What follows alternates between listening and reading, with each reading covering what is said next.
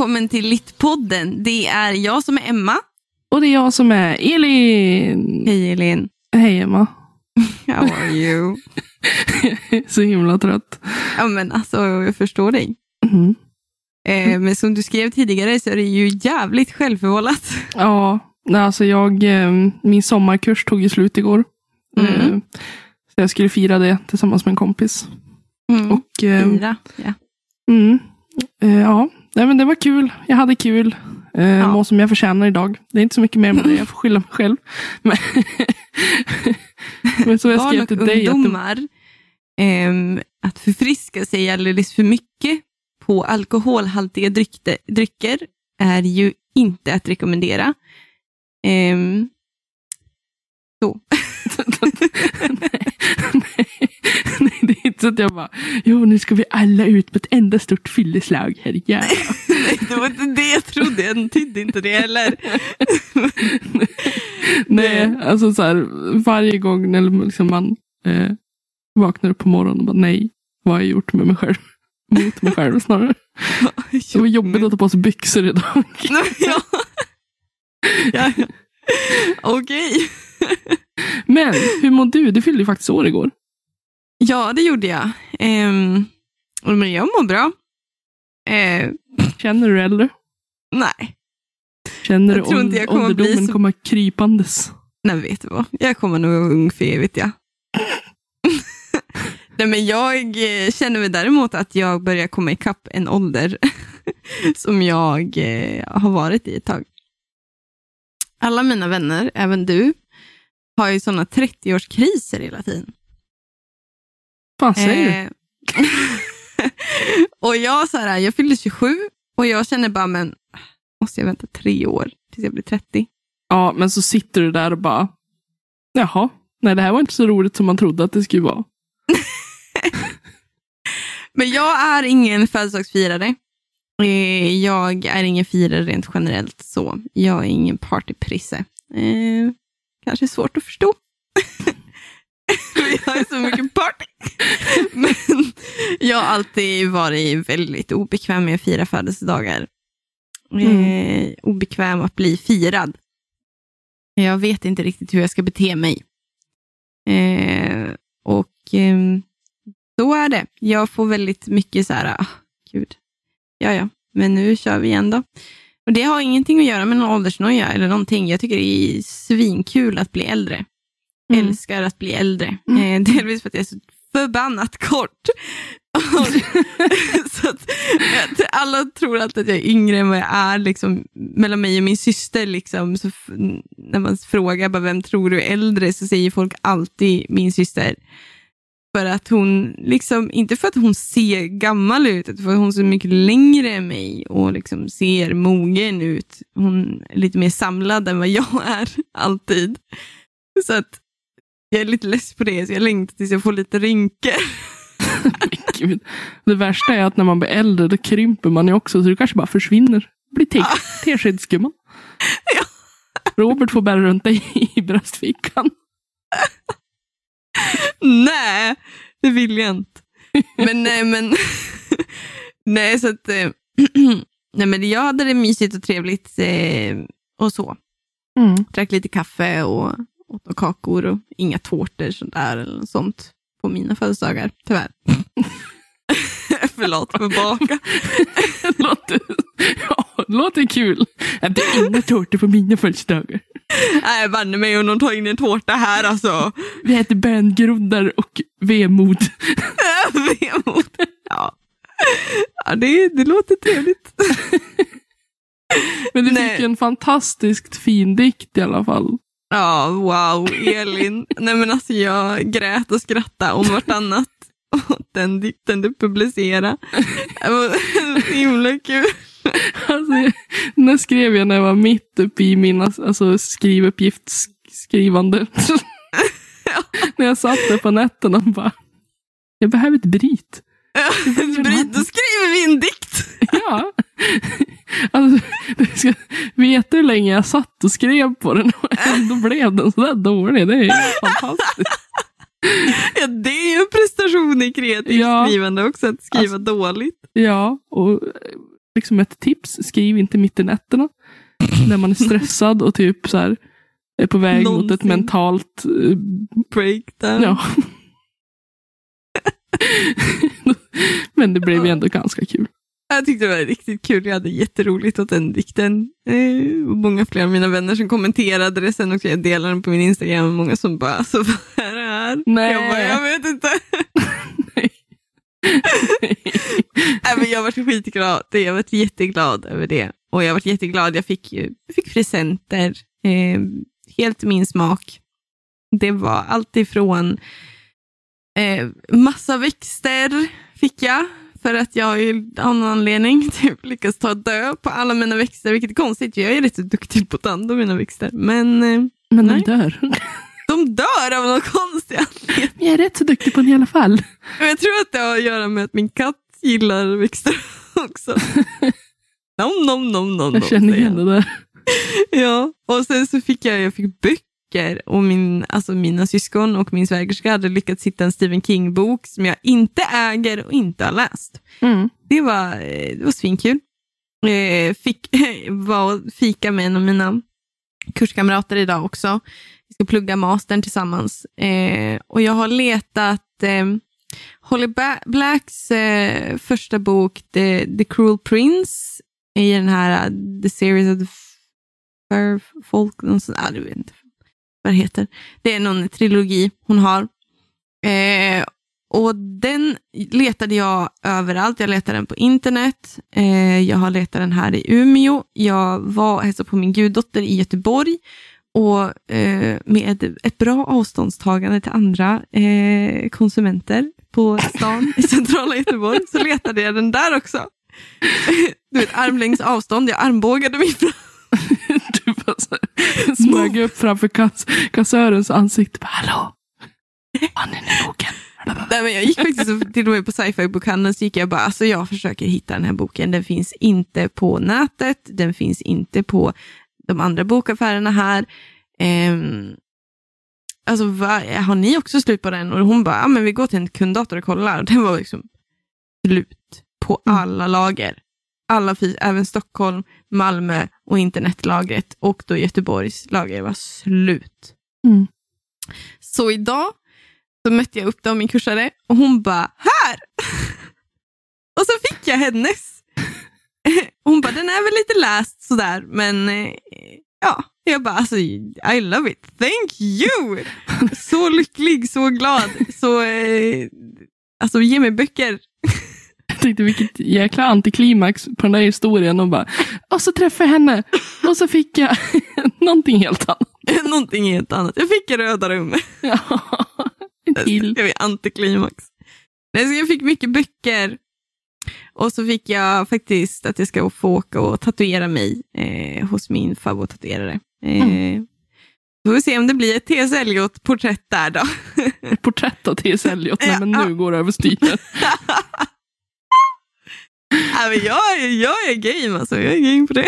Jag, tänkte, jag trodde att typ, du skulle göra någon så här äh, skuggfigur som den typ i uh, Revolvermannen och så har du det citatet under eller någonting. Alltså grejen är det att det hade väl varit coolt och ballt att ha en revolverman någonstans typ på låret. Ehm, men jag tror att den är rätt så traditionell.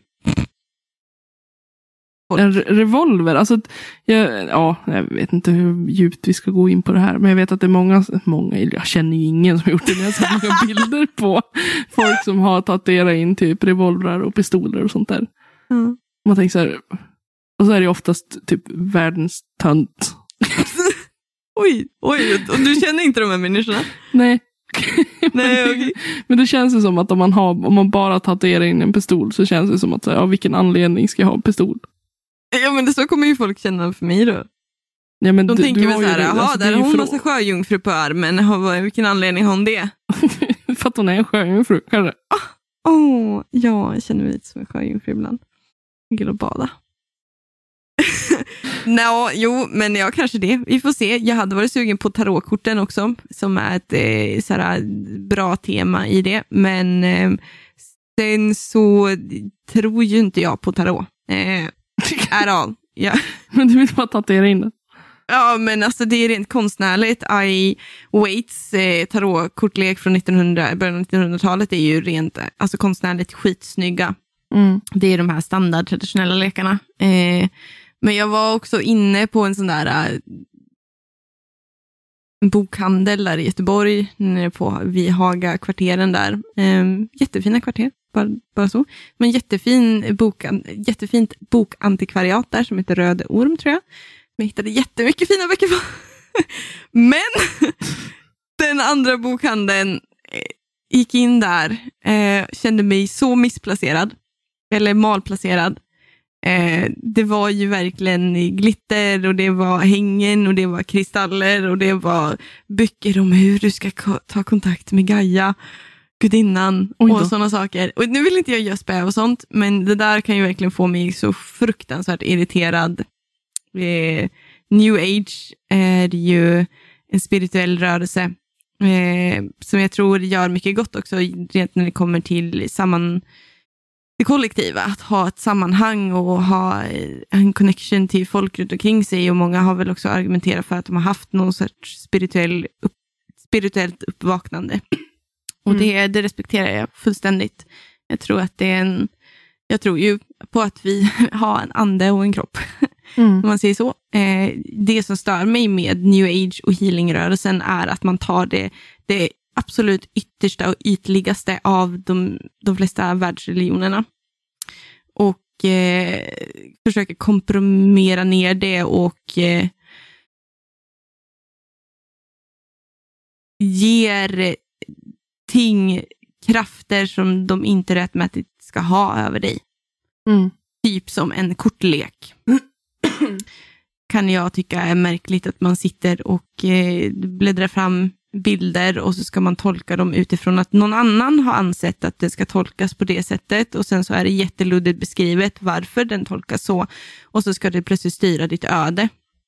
Jag tror att man är ofta sin egen lyckas med Ehm, och sen tror jag att man är oändligt älskad av en gud.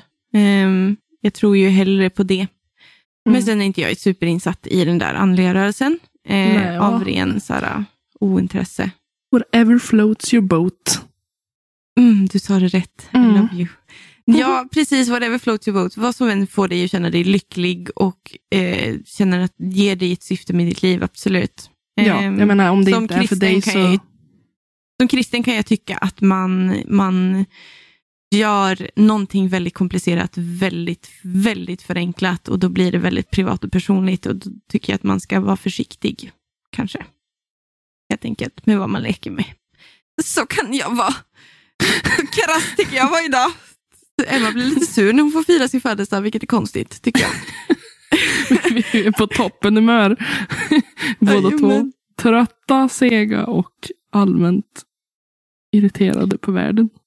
Men det var väldigt intressant att vara inne på den här. Och jag, var ju, jag är jätteintresserad av de här tarotlekarna just för kopplingen till T.S. Eliot's dikt och till Stephen Kings serie. Och sen också det här med tarotkorten och den, den, den funktionen den har haft i vår kulturella historia, i rent internationellt, internationellt, nu pratar jag så fort att jag inte ens uttalar orden ordentligt, ehm, är jätteintressant.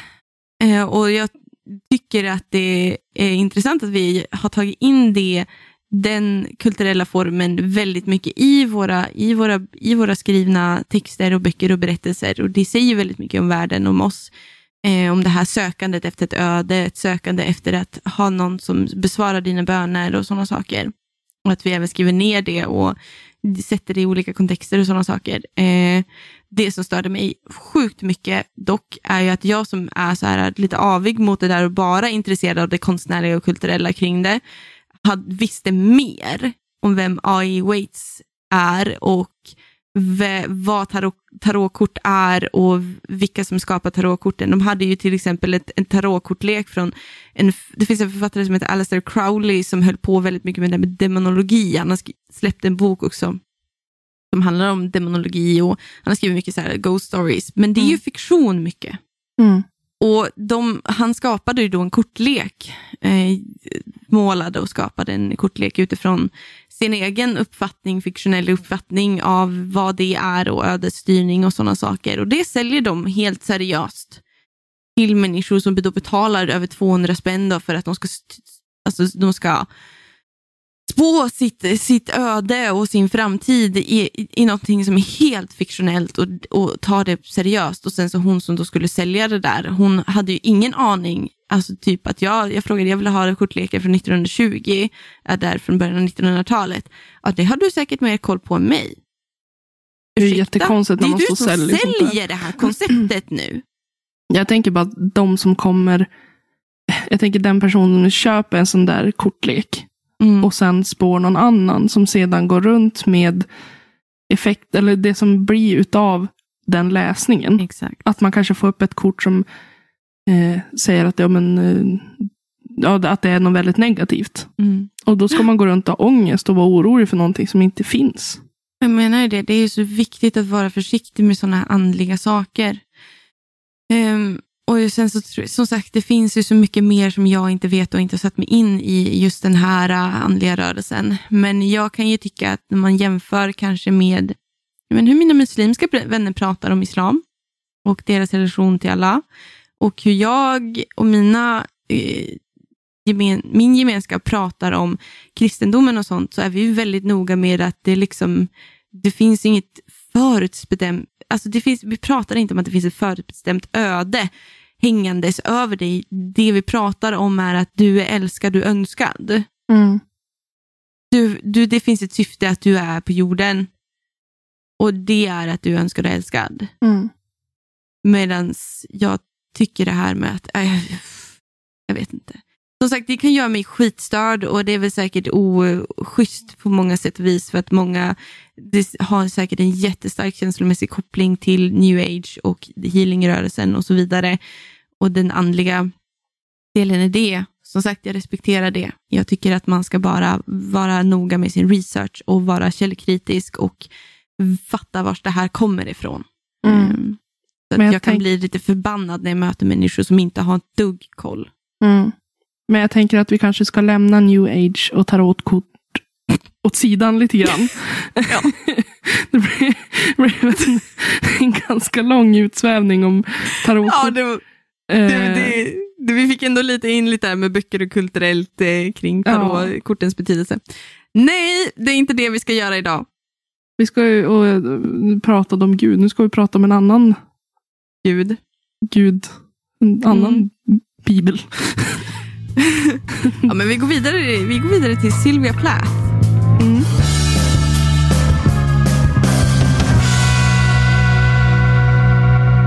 Så skapade eh, drömguden då, Johnny Panic.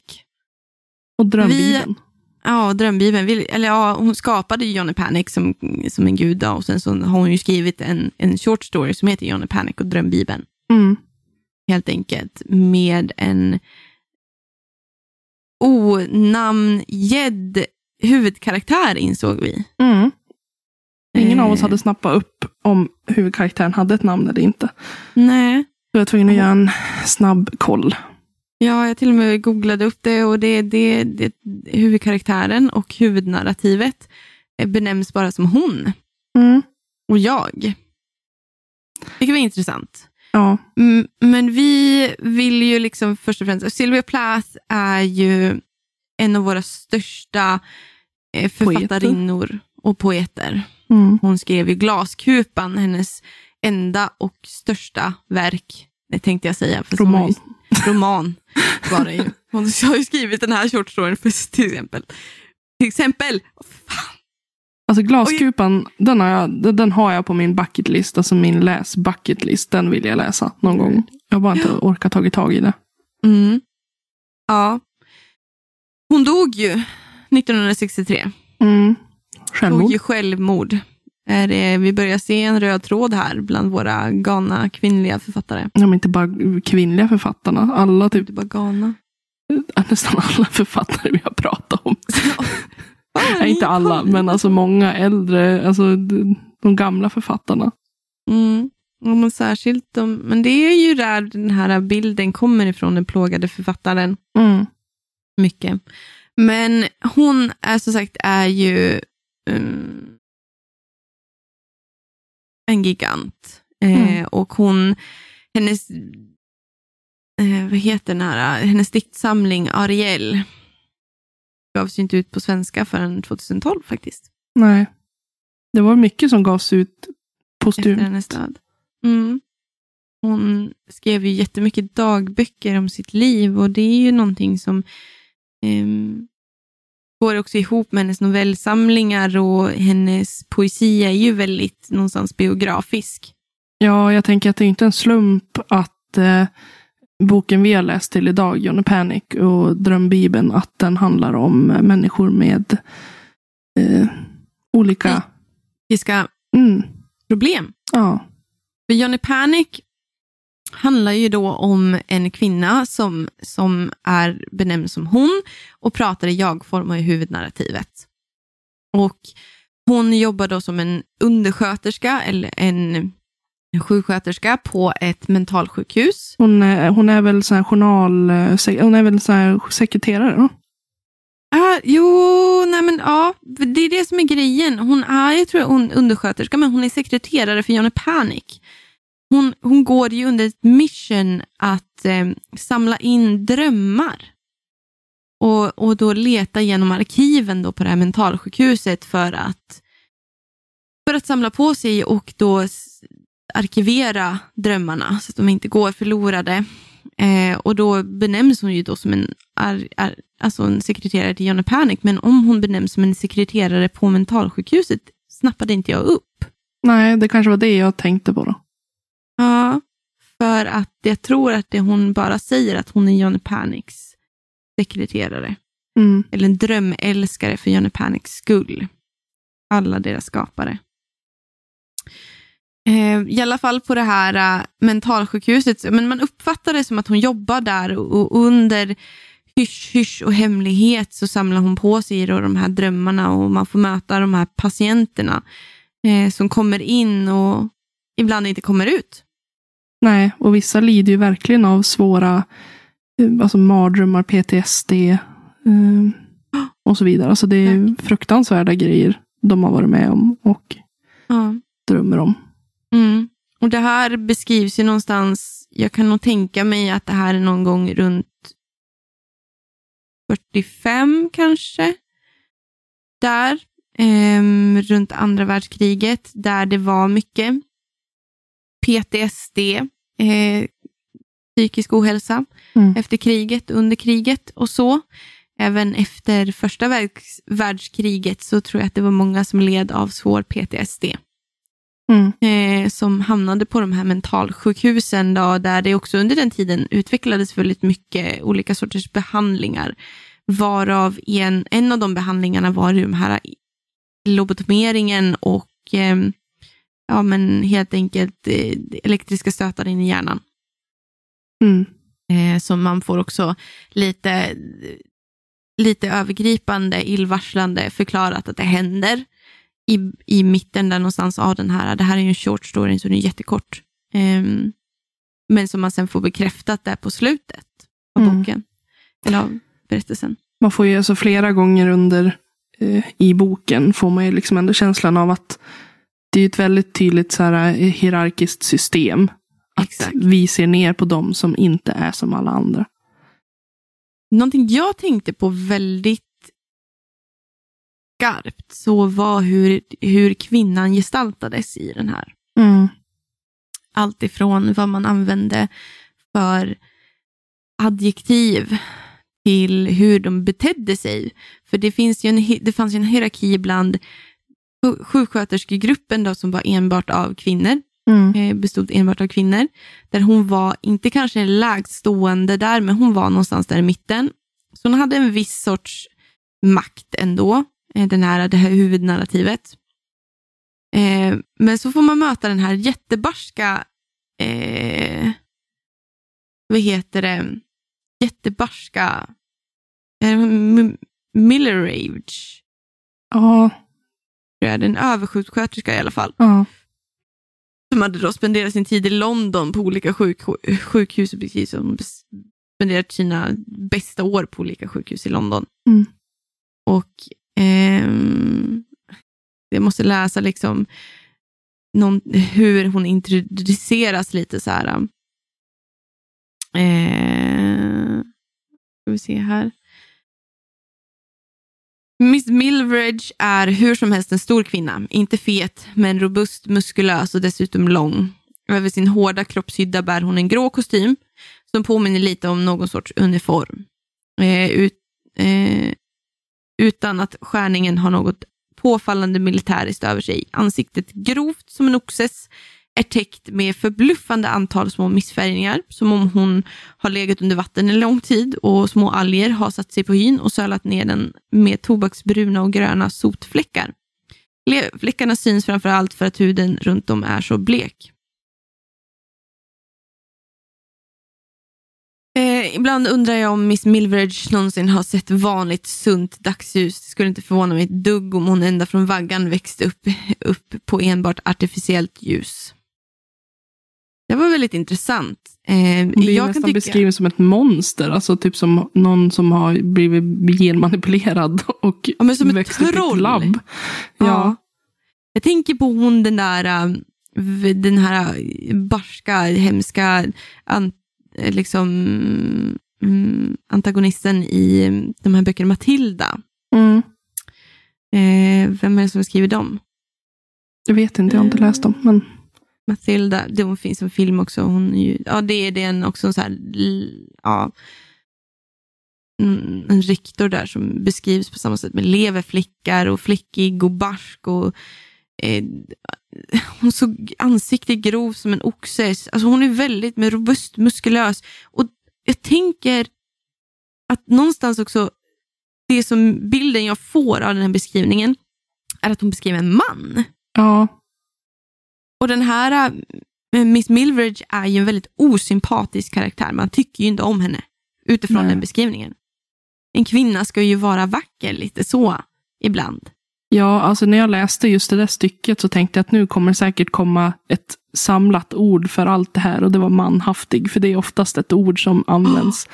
för att beskriva kvinnor som inte faller inom den, mm. alltså den typen vad man brukar skriva om. Ja, men det kom inte. Nej. Men det beskrivs ju på, alltså, man förstår ju ändå att det är ju så lite underförstått. Ja. Eh, framförallt om man tänker på den tiden, och som, om vi nu pratar om den tiden den eh, utspelar sig. Att hon bär en uniform som nästan ja. är lite militärisk, lite auktoritär. Mm. Vilket, alltså jag tänker att det var väl också någonting som var lite mer manligt på den tiden. Ja, och så var det väl inte vanligt att man bar kostym? Nej. Som kvinna. Och det är också så här, eh, intressant någonstans. Hon bryter ju den kvinnliga stereotypen Miss Milbridge och det gillar jag jättemycket. Jag gillar dock inte att hon då är en antagonist i det. Um, det, det jag gillar henne som karaktär, jag gillar henne som ond karaktär, absolut. Men det är också så här, äh, en, en vän och vacker kvinna är ju alltid liksom den goda och den manhaftiga kvinnan då är den onda. Mm. Men jag, helt ärligt så hade jag inte så mycket sympati för huvudkaraktären heller. Nej, varför hade du inte det? Därför på sättet hon eh, beter sig och sättet hon agerar kring när hon eh, far och läser andras journaler. Hon är lite irrationell samtidigt som ja, hon... Typ... Hon är väldigt liksom... Jag tycker att hon är respektlös hur hon tänker kring människors lidande. Mm. När hon liksom tänker på hur hon ska ja, men gå tillväga nästa gång hon ska stjäla journaler. Det är som att det är ett äventyr att få läsa de här mm. fruktansvärda händelserna ur människors liv. Och mm. att hon bara, åh nästa gång ska jag ta med mig den här maten. Åh, det är som att det, åh vad trevligt, jag ska sitta och läsa det här. Som, mm. jag, jag, tyckte bara att det var väldigt osympatiskt. Mm. Oempatiskt kanske? Ja, alltså jag, jag tänker, nu vet jag inte hur det var då. Men sekretess är ju liksom till för att skydda patienten. Mm. För att det kan ju stå väldigt känsliga saker som man inte vill att någon annan än den man har förtroende för, vilket då kanske en psykolog eller en läkare ska få veta. Och att då jag sitter där och läser alla de här fruktansvärda berättelserna. Mm. Och typ gör, gör det liksom till en grej att jag ska, det här ska vara en mysig liten stund för mig själv. Liksom. Jag tycker Mm. att det är fruktansvärt. Ja, det är väldigt intressant någonstans också, för hennes då huvudsyfte med hela, med hela det är ju att hon tjänar Johnny Panic då, som är gudarna av drömmarnas, drömmarnas skapare. Man vet inte riktigt vem Johnny Panic är. Man fattar att det, det är ju... Eftersom allting utspelar sig på ett mentalsjukhus vet man ju inte om hennes quest i, i sökandet efter Johnny Panics eh, drömmar, om, om det är ett påhitt, om han finns. Nej, nej men så kan det ju vara. Men, Och det, det kan man ju nästan få så här, för det är det så här, det tyckte jag, det var det, mest, det var det bästa med hela den här short storyn, tycker jag, är att man får det beskrivet som att hon är där, en del av den här styrkan av undersköterskor och sjuksköterskor som jobbar med patienterna. Eh, och det, det, man kan få det lite bekräftat att hon har en, en, en sån roll, att hon inte är själv en patient, med tanke på att hon faktiskt har tillgång till massa olika saker. Hon får komma hem, hon får byta om till kläder och sådana saker. man har nycklar också. Fram, ja, hon har nycklar. Fram till slutet, när hon blir påkommen av chefen då, Mm. eh, som då behandlar henne. Han tar med henne ner till Miss Milgrage i, i källan och där det hon, det narrativet beskriver att det är en sekt hon möter. Ja, de är fruktansvärt obehagliga. Ja, jätteobehagliga. Men då, det de gör är typ att de pratar på ett sätt, behandlar henne på ett sätt i det, som att hon faktiskt är en patient där. Ja. Men jag tänkte också det, att det, jag, det var väldigt svårt att veta vad som var verkligt och inte. Ja.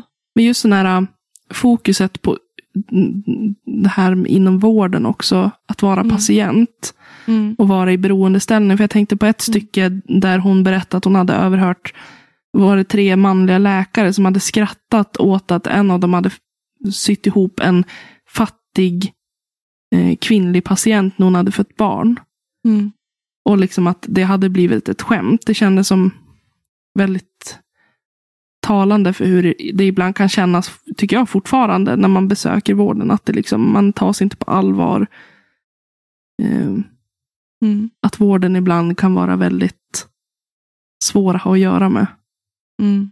Och det är väl alltid det där att någonstans så blir ju också det mentala och det sitter, sätter ju Sylvia Plath väldigt mycket i de här orden att du som läsare inte riktigt vet om det här är verklighet eller inte. Du tror det är, du är helt säker från ena sidan på att den här kvinnan, det här narrativet är helt sunt, helt sane. Men sen så han, agerar hon irrationellt eller gör någonting som är lite oetiskt eller funderar för mycket över en sak som man tänker att de kanske inte gör. Eh, och, eller då det här samtalet när hon blir påkommen då av chefen för den här mentala institutionen. Och de behandlar henne som en mental patient. Att man, man är där i någon sorts ovisshet. Att, att de, ditt psyke kan vara otroligt starkt. Men där inom vården och inom psykvården och på den tiden särskilt fick någon klona om din mentala hälsa. Vare sig det var rent medicinskt, alltså bara kunna kontrollera narrativet om, om du är sane eller inte sane. Eh, det har en sån otrolig makt över dig och det är även idag. Att din mentala hälsa kan både hjälpa och stjälpa beroende på hur du pratar om det och hur andra människor pratar om dig Mm. och det. Och om du träffar rätt person som hjälper dig också.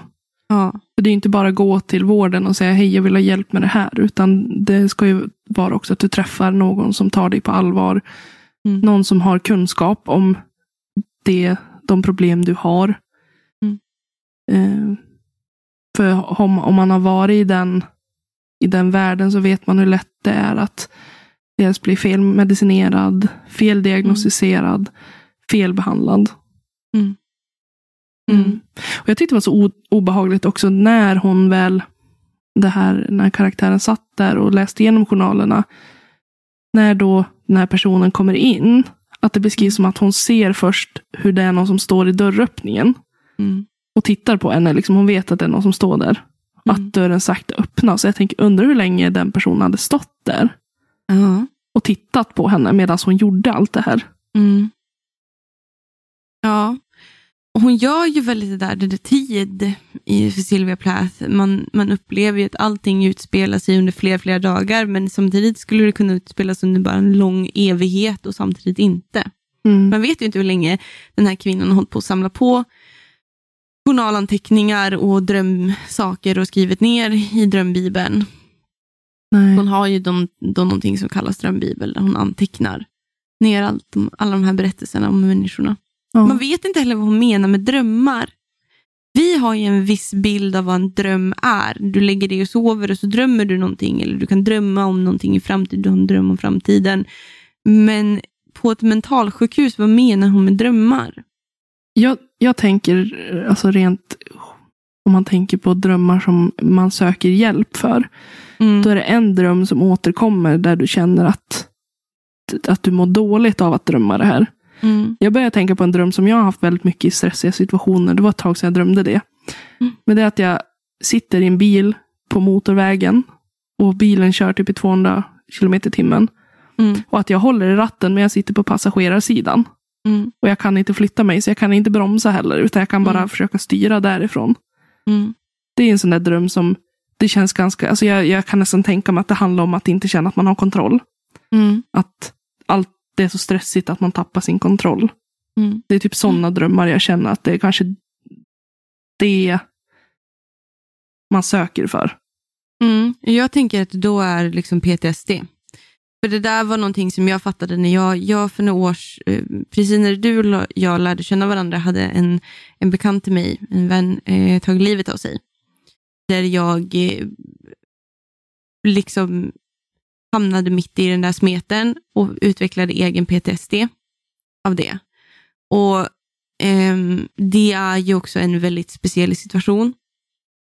Att, att vara i en sån smet, särskilt när det handlar om självmord.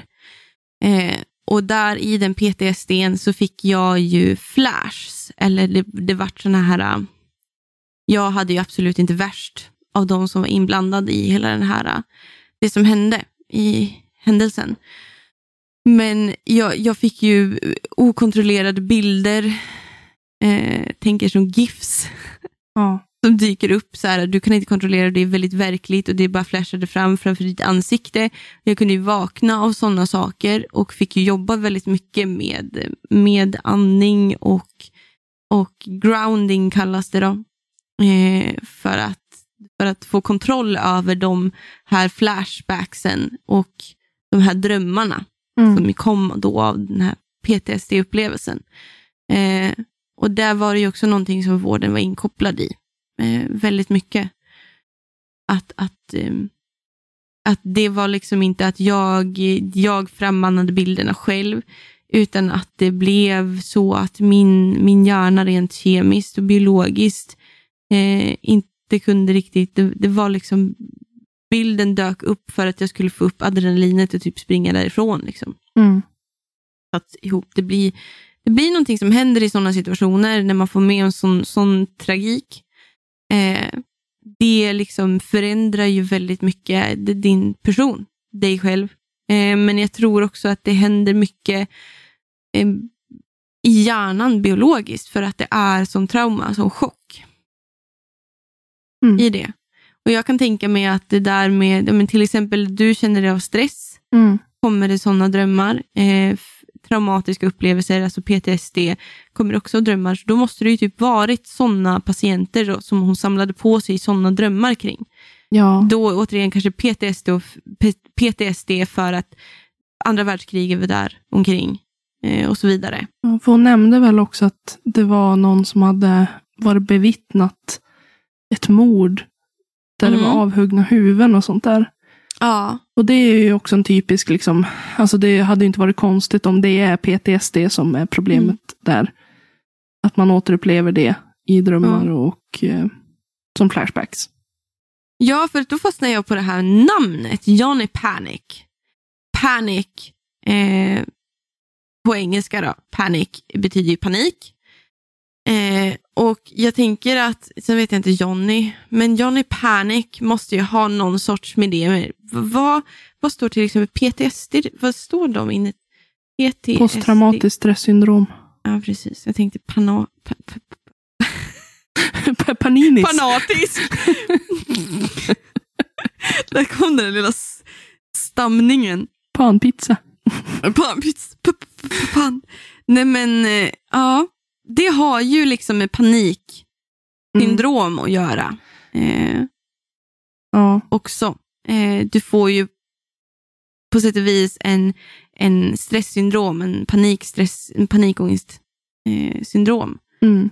som är återkopplade, å- eh, återkopplande då till det som har hänt. Att du, du, du får en panik, du får ångest av saker som påminner dig och svår ångest av saker som påminner dig om eh, ditt trauma. ja, jag tänkte, när myntades det begreppet? Ja, jag började också fundera på det. Jag faktiskt är inne på Google nu. Det här skulle vi ha kollat upp innan. Det är så man vill inte riktigt prata om det man ska prata om innan podden, för man är rädd att man ska prata klart det. Mm. Men eh, ja, nej, det kanske är lite dumt att hålla på med det för att det blir liksom men jag tänker att posttraumatiskt stresssyndrom har ju liksom, det är inte en ny företeelse. Man upplevde det i andra världskriget också. Jag tror att det hette källchock då. Mm, jag tror det Eh, också. När man var med i kriget och kom hem med de här fruktansvärda eh, både kroppsliga och mentala menen efter det. Att vissa liksom kunde se kriget hända och det är ju också det är ju PTSD. Det är ju många Mm. soldater idag som får det Mm. Och just den här att man, man återupplever traumat. Alltså man får ju en sorts, hamnar i mani liksom och får sån, man hamnar i psykoser, kan man i så svår PTSD kan man hamna i psykoser. Ja, alltså, du kan ju till och med liksom bli katatonisk. Alltså, du kan ju, din kropp kan ju låsa sig. Du kan ju, Ja. du, du kan reagera på så många olika sätt. Ja, precis. Ehm, så det, det känns ju som att ehm, det, det är väl liksom, det, nu är det ju varit en väldigt kort historia. Ehm, så att jag, Mm. jag tror säkert att de behandlade fler än, Ja, kolla. Freud skapade diag- diagnosen krigsneuros 1919. mm. och Ja, det är säkert efter första världskriget som det är. Precis. Nu är jag inne på, vad är jag inne på?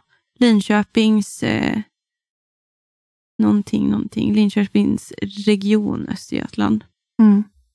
Men eh, ja, nej, men det var, det var, jag sa ju till dig innan att jag, eh, jag tyckte väl inte liksom att det här var, det var inte en berättelse som jag tyckte om särskilt mycket. Alltså jag kan ju Nej. uppskatta den för att hon är duktig på att skriva.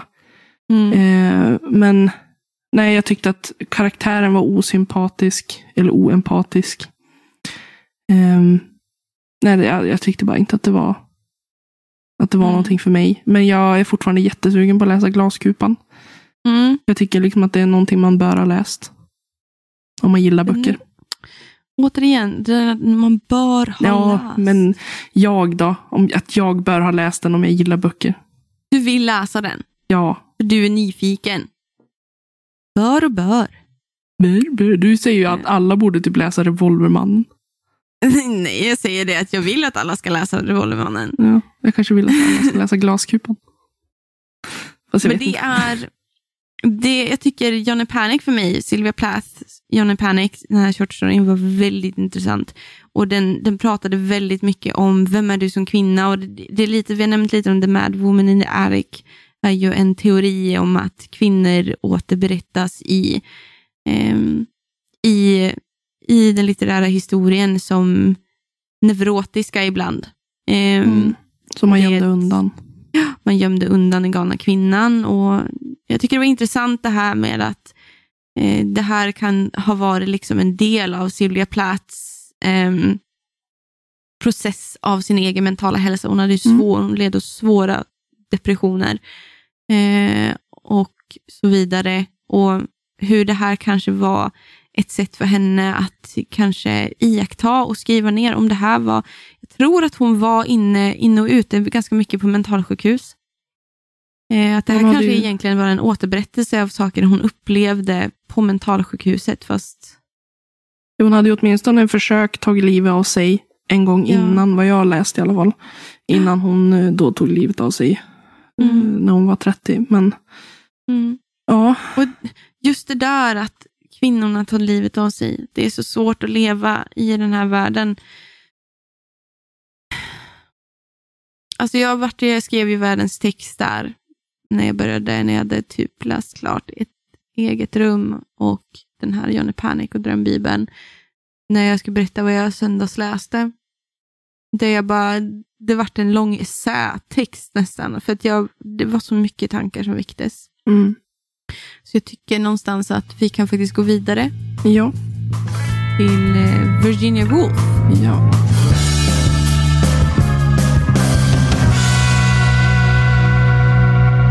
Ett eget rum.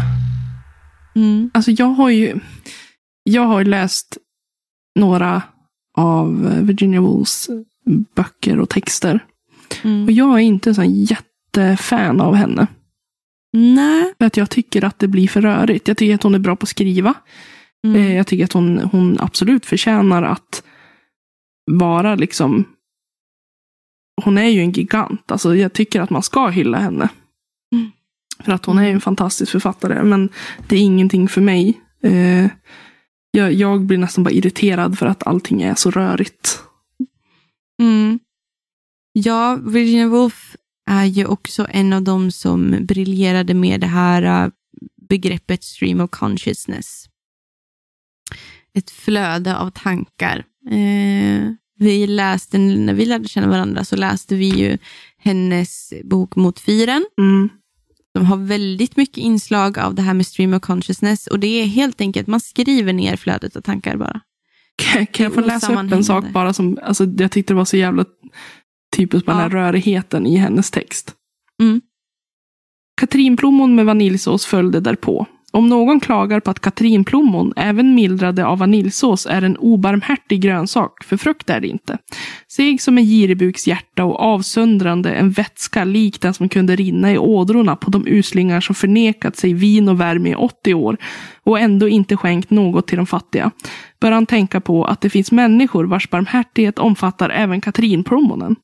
Därefter kom ost och kex och då cirkulerade vattenkaraffen generöst runt bordet för det tillhör kexens natur att vara torra och dessa var helt och hållet kex. Det var allt. Det där kan ju vara typ ett exempel på det här med stream of consciousness. Det är tankar och tankar på tankar på tankar Ja. på tankar. Precis som de är, ärligt dyker upp i huvudet. Mm. Tänker det du sätter dig ner och så bara tänker du och så skriver du ner vartenda ord du tänker. Ja, de är inte bearbetade. Nej. Det är väldigt så här, ja så här tänker jag och sen Mm. ger man ut det. Lite så känns det ju. Ja, och det kan vara väldigt befriande. Eh, Jag kan ju tycka att eh, Virginias Woolf, Virginia Woolfs eh, Stream of Consciousness är ju förbannat mycket lättare att läsa än typ Ulysses, Ja, James Joyce. James Joyce, där det bara är det här är, det här är kaos. Mm. Det är liksom, där hade, fanns det ju liksom fanns ju inte ens punctuation, alltså punkter och kommatecken och sådana saker i hans verk. Men Virginia Woolf brukar ändå vara rätt så duktig på det där. Eh, att kunna dela, göra det lite mer läsbart, men det är svårt att hänga med och i den här essän, eh, den är ju baserad på eh, två föreläsningar hon hade vid Cambridge University i England och som, som handlade om ämnena kvinnor och litteratur. Mm. Eh, och den, den släpptes ju 1929, så, så man, man har ju inte jättehöga förväntningar. Eh, det här är en essä Mm. eh, på liksom själva synen på kvinnor och litteratur då. Jag kan, inte, jag kan tycka att vissa kvinnor har en rätt så jävla sunkig syn på den nu också. Ja. Eh, m- men den, för mig vart den högst relevant idag också. Jo, absolut. Det är inte så att, att eh, allt som hon beskriver, att det är borta idag. Utan det är mycket som fortfarande är ett problem. Och som syns väldigt tydligt i samhället också naturligtvis. Ja, och jag fastnade väldigt mycket i det här med när hon beskriver det här med gruset och gräset på universitetet. Mm. Eh, där i början. Eh, där hon beskriver sig gå omkring och titta på naturen där på det här universitetet Oxbridge som är typ en satir på alltså University of Oxford och University of Cambridge. Det mm. Hon har merchat ihop de två namnen. Och jag rapar i micken igen. Goodness gracious. Eh, nej men att hon går där och går på, eh, går på gräsmattan. Och den som inte är insatt i liksom, universitetskulturen och eh, eh den patriarkala kulturen kring, kring universiteten så var det så att professorer, manliga professorer och doktorander fick gå på gräset. Kvinnor hade ingenting där att göra, de skulle hålla sig till gruset. Mm.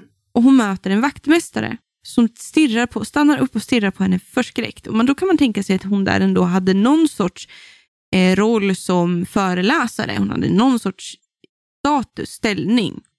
Men just det där att den här vaktmästaren ser henne, eller om det är trädgårdsmästare, ser en kvinna stå på gräset utan sällskap av en manlig doktorand eller professor och så vidare, eller en manlig kollega, gör han förskräckt. Och han stirrar på henne och hon, hon funderar kring det och till slut så ställer hon sig igen på grusgången och då är det som att hela den här trädgårdsmästarens ansikte bara slappnar av och blir glad igen och kanske hälsar lite på henne och så går hon vidare. Och hon mm.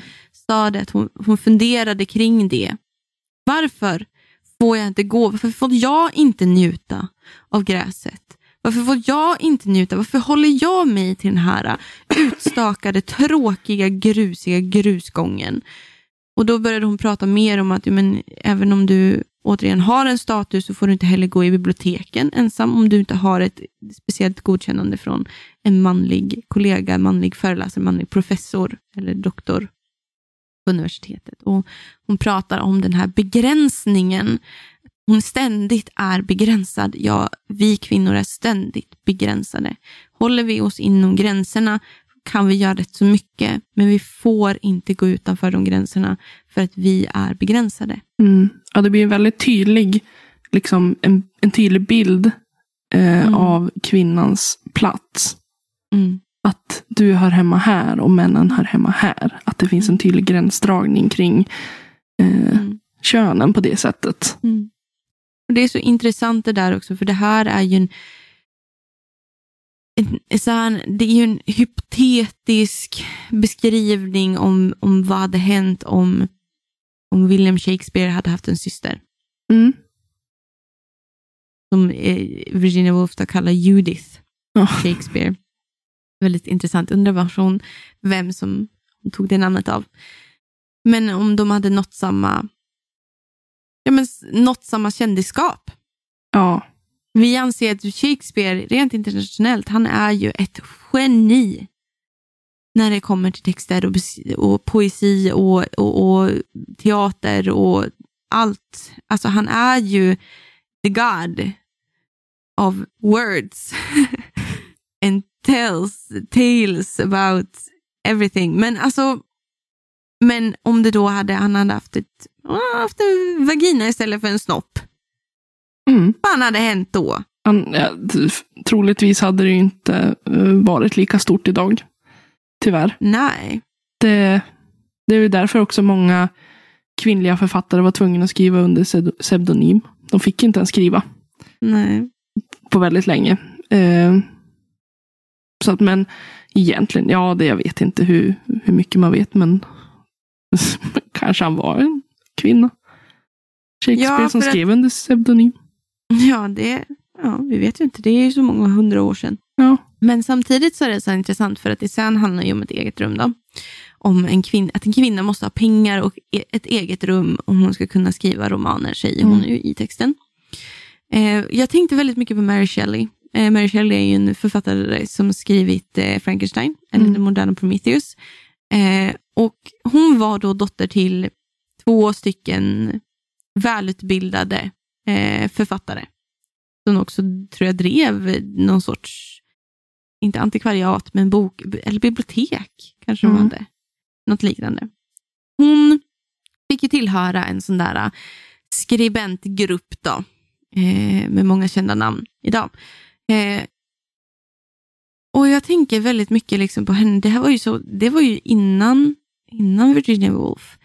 Och att det här, jag tänker om hennes föräldrar, det, på den tiden hade de väl inte heller mycket pengar om man jobbade inom, inom forskning och fakultet och skola. Så. Men hon kunde ändå få liksom publicera en roman. Jag blir- så här, um, jag håller med Virginia Woolf att kvinnor, det kan vi känna av idag, jag behöver pengar och ett eget rum för att ens få höras. Jag behöver ha min utbildning eh, för att ha en åsikt många gånger. Eh, särskilt i diskussioner med män. Även om de inte har samma utbildning som mig så kan det ju fortfarande uppstå att de, ja, man inte blir lyssnad på. Jag, jag tänker att det här med pengar och att det ger en en möjlighet. Mm. Jag tänker främst idag att det inte är ett nödvändig, en nödvändig sak att ha om du ska bli författare till exempel. Men om man pratar om det sociala kapitalet och, och så vidare. Mm. Att Mm. alla pengar, kontakter, eh, sånt ger ju dig mer en större möjlighet att lyckas. Än någon Mm. som inte har de här kontakterna, som inte har det ekonomiska kapitalet. Mm. Jag fastnade väldigt mycket på det här. Jag började tänka på bara att vara kvinna inom nördkulturen eller geekkulturen. Då kan jag känna att jag hela tiden haltar. Att det hela tiden ifrågasätts. Att vara en person som är intresserad av comics eller populärlitterära böcker. Eller, um, självklart gillar du fantasy, men du gillar då smuttfantasy. Kan man ju liksom känna att det, det viskas om. Och att, att jag många gånger gör så mot mig själv. Alltså, sell myself short när det kommer till liksom mm, det som är typiska, stereotypiska, generell, nu generaliserar jag jättehårt, men stereotypiska manliga genrer inom sci-fi och fantasy eller fantastik och, och populärkultur. eh. Att jag själv anser att jag kan inte ha en åsikt eller tycka någonting speciellt. Särskilt inte ett rum med män Mm. som har samma intresse. Och det kan, tycka, det, det kan jag tycka är tufft. Ja, det är tråkigt att det ska behöva vara så överhuvudtaget. Att, Ja, särskilt 2021 liksom. ja. Men det visar ju också bara på att det inte alls är i närheten av där vi vill vara. Att det fortfarande Nej. finns mycket att göra. Ja, och det var någonting jag kom fram till också i min text på Instagram, att jag, det, jag trodde att det skulle göra mig förbannad, det gör mig mer ledsen. Mm. Vi sitter här 93 år senare. Och det här är liksom tankar som en av våra största feministiska förespråkande författare um, skrev ner då, 93 år sedan. Och jag tänker också att det handlar ju också om det här med, det, vi har pratat lite grann om du och jag i alla fall, om Mm. det här med intersektionalitet. Mm. Att det också, eh, det är också skillnad på vart man befinner sig i världen, vilka möjligheter man har haft, Ja. eh, vem som är mer gynnad. För jag menar, både du och jag eh, är vita kvinnor som kommer från ett västerländskt samhälle, växte upp i en medelklass. Mm. Eh, så att vi har ju stött på saker. Och, och så finns det liksom andra saker som vi inte har stött på. Annat förtryck som inte vi har stött på. Så att det ser ju olika ut för olika kvinnor också. Och jag tror att det är det som är så viktigt. Man måste så här, acknowledge your privilege, men det tar inte heller ifrån dig det som faktiskt är ditt eget förtryck också. Nej, absolut inte. Men man ska vara liksom- medveten om det. Att Ja, mitt förtryck ser inte likadant ut för alla. Nej, exakt. Jag är Men mer det gynnad än andra. Liksom, jag är mer gynnad, men, men det liksom är det, det viktigaste är att du var medveten om det. Mm. För det finns Och ju människor som är mer gynnade. Ja, det- men det finns ju kvinnor som är mer gynnade än vad vi är. Jag men, oh ja. Vem var det? Det var någon bloggerska som släppte en bok om sin son, en barnbok. Och så, så Ja, men det var väl Mar eh, Margot. Margot Dietz. inte, har Arnold reser till Afrika tror jag det var. Ja, det vart ju mycket skrivet om det där med att vara vit och skriva om, skriva om Sydafrika utan att vara medveten om det som var Sydafrikas historia Mm. eh, med förtryck och, och eh, kolonialism och sådana saker. Det, är, det är ett krångligt det är en krånglig värld vi behöver navigera oss igenom. Mm. Det är krångligt, det är jättejobbigt att vara kvinna. Ja. Jag tänker säga det rakt ut. Ja, det är jättejobbigt att vara kvinna. Det är jättejobbigt att ha drömmar och önskningar som kvinna. Ehm, och Det är jobbigt att vara kvinna och, och ha lidit av mentala, en mental problematik. Mm. För att du blir the mad woman in the attic. Särskilt om du pratar om det. Öppet och ärligt och transparent. Ehm, men det betyder inte att det är kört. Nej. Det betyder att det finns någonting att kämpa för. Det betyder att när du känner att, som jag känner, att jag sell myself short, att jag anser att jag inte har någonting att göra i rummet bland nördiga killar, så ska du höja din röst. Mm. För att om det är så att du är ensam i ett rum med massa nördiga killar, då är du underrepresenterad. Mm. Och det är, inte, det är inte så det ska vara. Det ska finnas plats för allt. Det ska finnas plats för alla. Eh, vilket också är intressant, för avslutande så, som sagt, min kursare idag eh, pratade med mig om, vi, vi, vi diskuterade, vi mötte en, en, jag har kursat med henne förut, en tjej, och så min kursare nu, eh, kände, de kände varandra med vänner, och de började diskutera det här med att man vet nästan inte om kvinnliga författare eh, som är people of color. Så att de, de satt och funderade på ett projekt kring det, hur man ska kunna liksom lyfta fram eh, people of color, POX, eh, women i Sverige. Mm. Och Det tyckte jag var så intressant och jag är jättespänd på att fortsätta höra mer om det. Ehm, hur vi lyfter fram de som av Sveriges vad heter det, intrinsikala rasism inte får lyftas fram som kulturella personer, som skribenter och författare. Mm. Jag är jättetaggad på det. Jag tycker det är wow. Jag tycker det är sjukt stort och jag tycker det är jätte, jätteviktigt. Ja. Absolut. Vi kvinnor går mycket i motvind. Och jag tänker de som har det här dubbla förtrycket, em, de kvinnor som är av färg och har fått kämpat i ännu mer motvind, behöver också lyftas Absolut.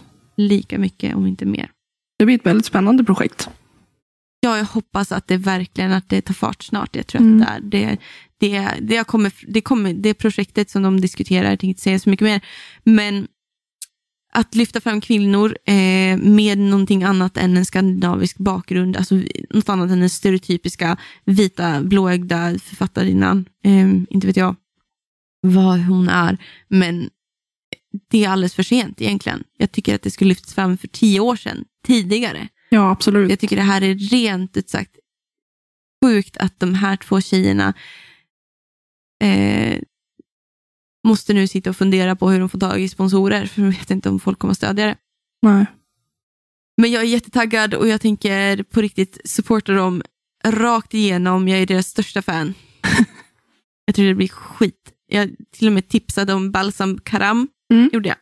Eh, jag tyckte att det, det, den personen ska jag ta med i åtanke att kontakta kanske. Mm. Att det blir ascoolt.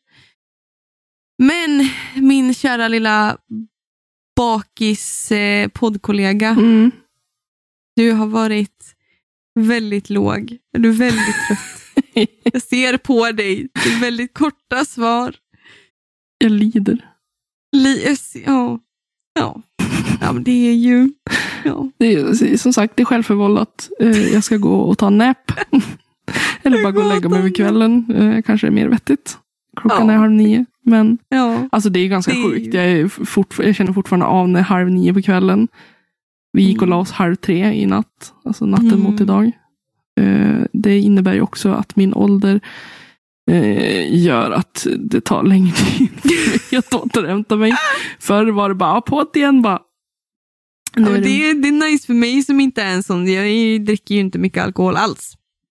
Inte alls. Eh, så att det där kommer inte vara ett problem för mig när jag blir över 30. Nej men alltså det är, inte, det är inte ett problem för mig heller. Det är inte så att jag sitter och dricker varje dag eller varje helg. Det här är ju väldigt jag långt. inte så. Det var inte så jag menade.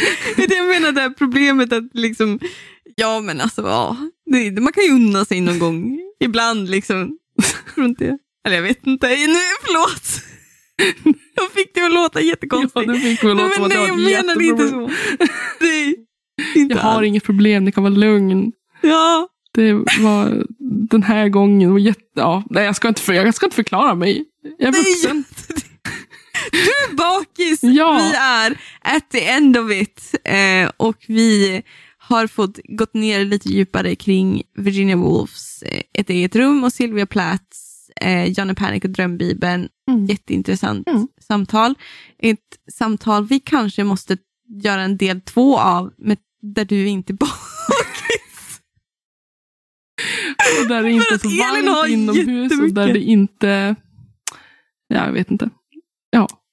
Vi kanske ska läsa Glaskupan på del två. Mm. Jag tycker det här var jätteintressant och mina tankar är ju uh, all over the place. Jag kommer gå och terrorisera min katt och säga Jordan, nu sitter du och lyssnar och pratar feminism med mig. Det blir skitbra, tycker jag. ja! Hörru du, eh, följ... Va? Hörru du? Hörru ni?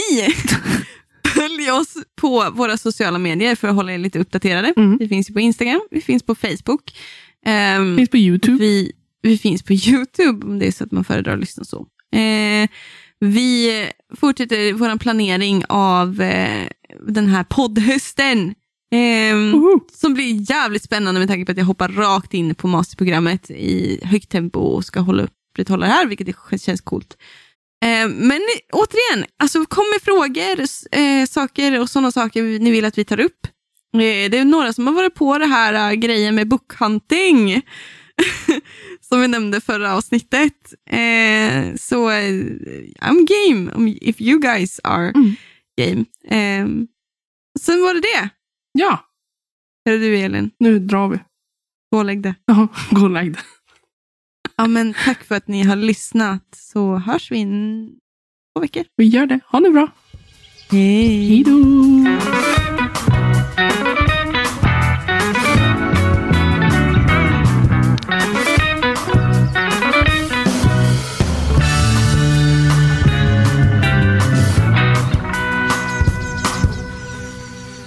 Jag sov bara några timmar efter det att jag gått till sängs.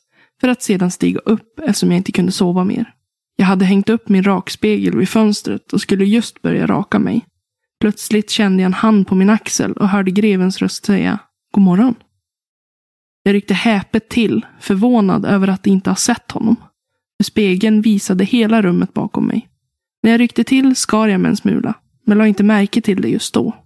Efter att ha besvarat grevens hälsning vände jag mig återigen mot spegeln för att se hur jag kunnat ta så miste. Den här gången gick det inte att ta fel, för mannen stod intill mig och jag kunde se honom över min axel. Men han syntes inte i spegeln. Jag kunde se hela rummet bakom mig, men det fanns inte en skymt av någon annan människa än jag. Detta var häpnadsväckande. Och när det lades till så många andra egendomliga händelser kunde det inte undgå att förstärka den obestämda känsla av obehag som jag alltid erfar när greven är i närheten. Men just då observerade jag att det blödde lite ur skråman och att blodet rann ner över min haka. Jag lade ifrån mig rakkniven och vände mig samtidigt halvvägs runt för att leta reda på en bit plåster. När greven såg mitt ansikte flammade det till av demoniskt raseri i hans ögon och han grep plötsligt efter min strupe. Jag drog mig undan och hans hand rörde vid radbandet som krucifixet hängde i. Han förändrades omedelbart och raseriet försvann så snabbt att jag knappt kunde tro att det någonsin funnits. Läst ur Dracula av Bram Stoker. Du har lyssnat på Littpodden med mig, Elin Oslin och Emma Granholm. Musik och klipp av Magnus Kjellson och Robert Granholm. Management av Ida Berglund. Tack hörni för att ni har lyssnat.